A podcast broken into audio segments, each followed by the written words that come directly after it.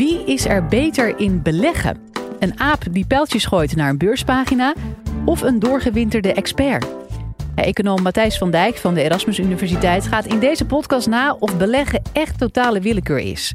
En misschien geeft hij ook nog wel bruikbare adviezen, zodat je weet hoe je het beste kan investeren. Live vanuit Club Air is dit de Universiteit van Nederland. Een geblinddoekte aap die dartpijltjes gooit naar de financiële pagina's van de krant en zo aandelen selecteert, zal een even goed beleggingsresultaat behalen als een professionele belegger. Dat beweerde althans in 1973 al Burton Malkiel, een beroemde hoogleraar financiële economie aan de Universiteit van Princeton. Maar hoe kan die bewering in vredesnaam kloppen?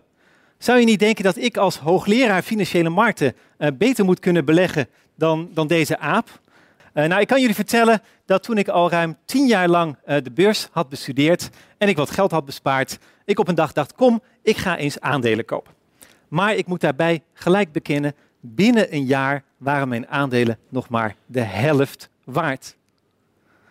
Betekent dat dat ik mijn beleggingen beter aan een aap had over kunnen laten? Bleek al mijn opgebouwde kennis volkomen waardeloos? Nou, niet per se. Ik had alleen de beroerdste timing in de afgelopen 50 jaar. Namelijk eind 2007, iets minder dan een jaar voordat de wereldwijde financiële crisis losbarstte. Dus misschien moeten we het niet over mij hebben, maar misschien moeten we juist kijken naar heel succesvolle beleggers. Neem Warren Buffett, uh, al meer dan 50 jaar een zeer gerenommeerd belegger en met een vermogen van 60 miljard uh, euro de op twee na rijkste mens ter wereld.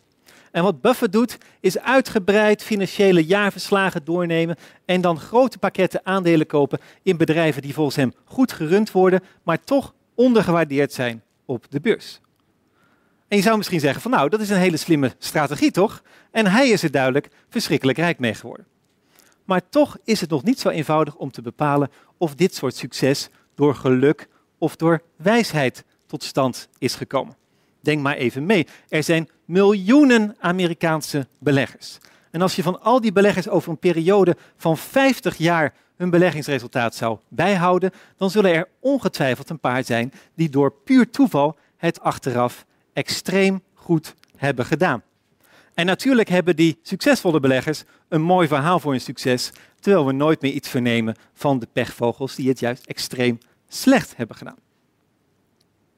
Nou, om jullie alvast uh, uit de droom te helpen dat jullie een aap in huis zouden moeten halen om je beleggingen voor je te doen. Uh, de Wall Street Journal heeft een tijd lang de proef op de som genomen. Niet met echte apen weliswaar, maar wel met journalisten die dartpijltjes gooiden tegenover echte beleggingsprofessionals. En wat bleek? De professionals wonnen. Nou, waarom dat toch ook niet altijd alles zegt en waarom professionele beleggers het toch vaak niet beter doen dan een verstandige amateur, wordt duidelijk in dit college.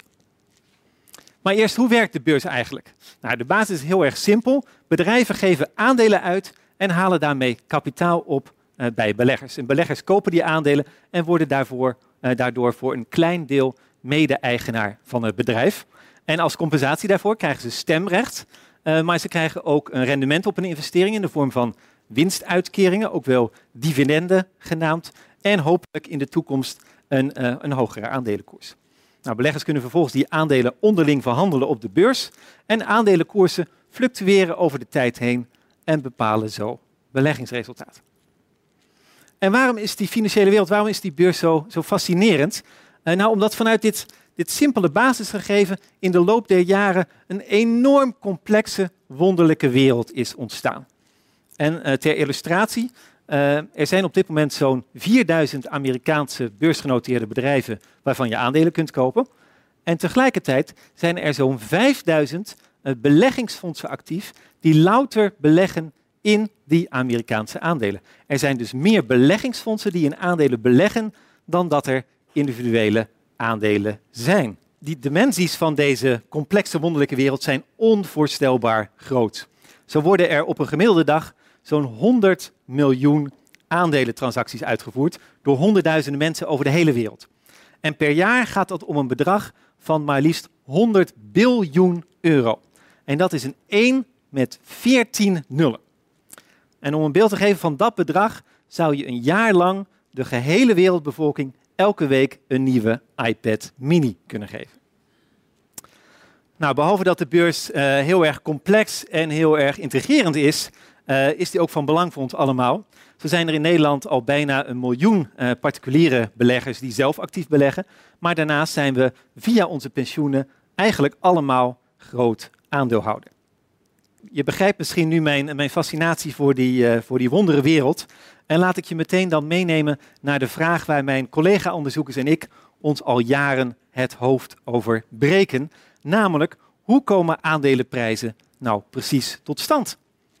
Um, en de theorie is eenvoudig. De waarde van een aandeel wordt bepaald door de toekomstige verwachte winsten en daarmee ook winstuitkeringen van het beursgenoteerde bedrijf.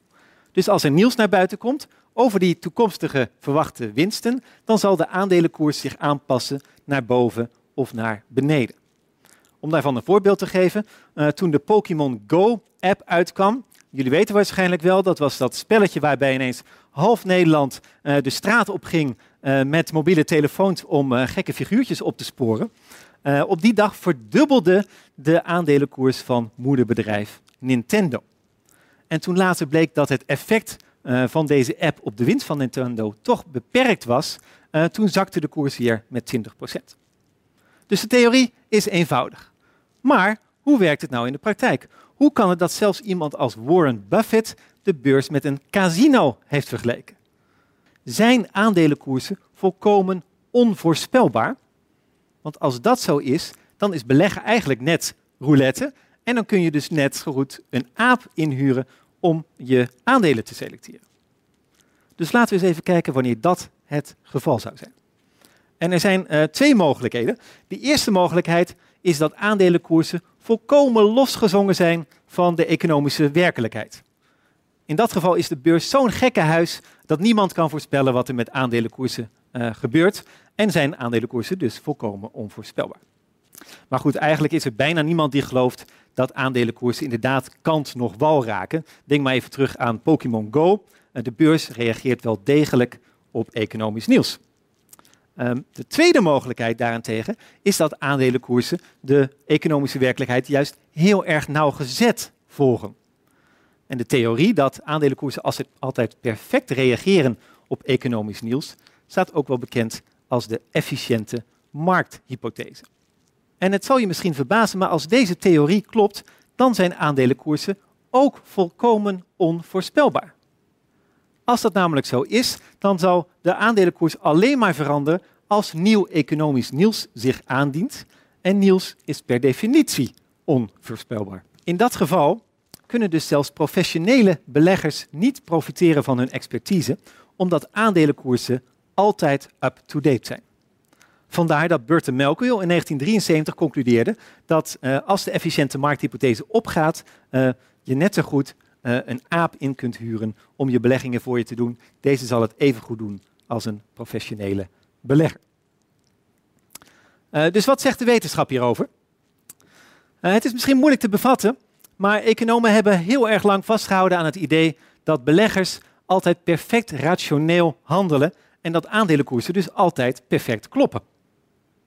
Maar de laatste jaren stapelt het bewijs tegen deze theorie zich op.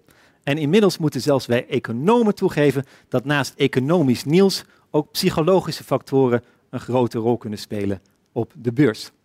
En ik geef hiervan uh, drie voorbeelden. Het weer, lokaal beurssentiment en seksenongelijkheid. Nou, ten eerste blijkt namelijk uit onderzoek dat de beurs het beter doet op zonnige dan op bewolkte of regenachtige dagen. En dat is natuurlijk heel erg lastig om rationeel te verklaren. Waarom zou dat zo zijn? Maar we weten wel uit psychologisch onderzoek dat het weer onze stemming kan beïnvloeden. Dus het zou goed kunnen dat de beurs harder omhoog gaat als de zon schijnt, omdat beleggers dan optimistischer gestemd zijn. Het tweede voorbeeld komt uit mijn eigen onderzoek naar zogenaamde Siamese tweelingen op de beurs.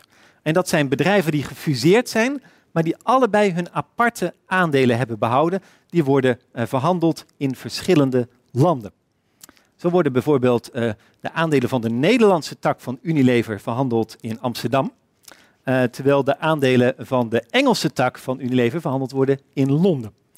Maar omdat deze aandelen precies evenveel stemrecht hebben en ook precies evenveel dividend krijgen, zou de prijs van die aandelen eigenlijk identiek moeten zijn.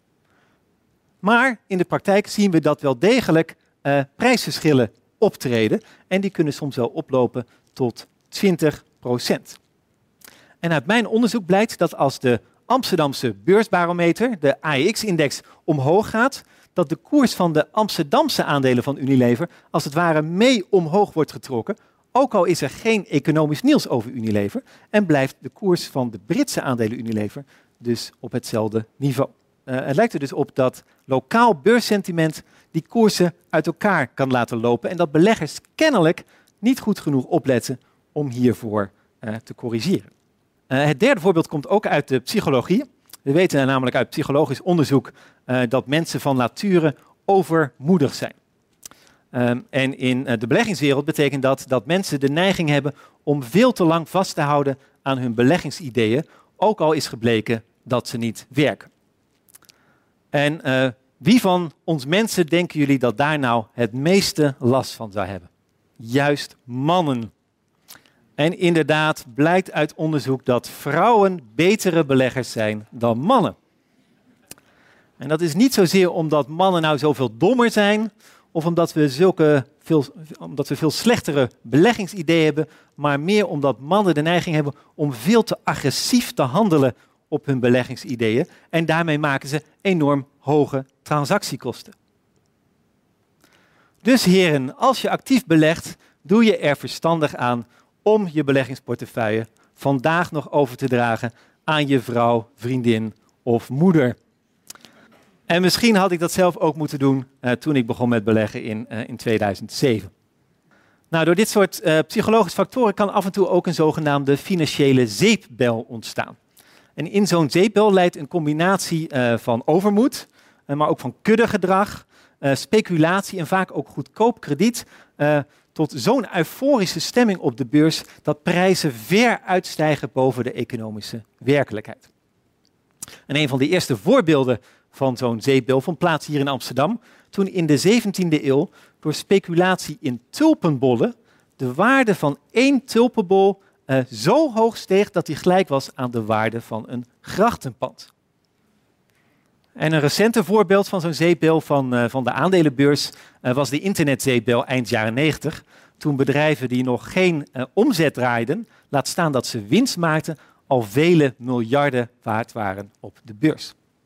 En na verloop van tijd blijkt dan dat de, dat de verwachtingen toch veel te hoog gespannen waren en dan klapt zo'n zeepbel weer ineen. Ik denk zelf dat het beter begrijpen van dit soort financiële zeepbellen een van de grootste uitdagingen is waar mijn vakgebied uh, voor staat. Kortom, door al deze psychologische factoren kloppen aandelenkoersen vaak niet perfect met de economische werkelijkheid. Betekent dat nou dat er goed geld valt te verdienen op de beurs? Je zou misschien zeggen dat als aandelenkoersen vaak niet kloppen, uh, dan is dat een buitenkansje voor de professionele belegger, die immers dag in dag uit met de beurs bezig is. Verrassend genoeg blijkt uit onderzoek dat dit nog heel erg lastig is. De overgrote meerderheid van de professionele beleggers slaagt er niet in om de markt te verslaan. Hoe kan dat? Nou, dat komt omdat het uh, opsporen en benutten van dit soort buitenkantjes nog heel wat voeten in de aarde heeft. Al is het maar omdat vele duizenden andere professionele beleggers hetzelfde proberen te doen. Betekent dat dat, uh, dat dan dat we weer terug zijn bij de aap? Als het echt zo moeilijk is om de markt te verslaan, kunnen we dan toch net zo goed volkomen willekeurig onze aandelen kiezen?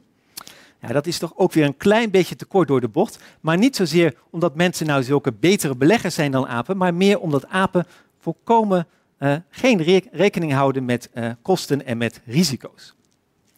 Uh, dus wel concreet beleggingsadvies heeft de wetenschap dan wel te bieden. Nou, ten eerste spreid je kansen door heel veel aandelen te kopen, ook internationaal. Ten tweede, beleg passief. Actief beleggen kan een hele leuke hobby zijn als die ook wat mag kosten. Ten derde, uh, let op die kosten, ook als je via een beleggingsfonds uh, belegt. En tenslotte, denk ook aan je nachtrust. Op de lange termijn kun je op aandelen een wat hoger rendement verwachten dan op je bankrekening. Maar als je nou nachtenlang wakker ligt van je aandelen, is beleggen misschien toch niks voor jou. Nou, dit zijn precies de vier adviezen die ik zelf in de praktijk heb proberen te brengen toen ik in 2007 begon met beleggen. En je vraagt je misschien af, hoe staat het er nu mee? Uh, nou, geen zorgen. Ik sta weer op een bescheiden winst, zonder al te veel slaapverlies.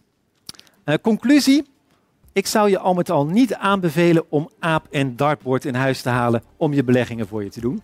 Maar beweringen dat je met slim beleggen makkelijk geld kunt verdienen, moeten met een grote korrel zout worden genomen.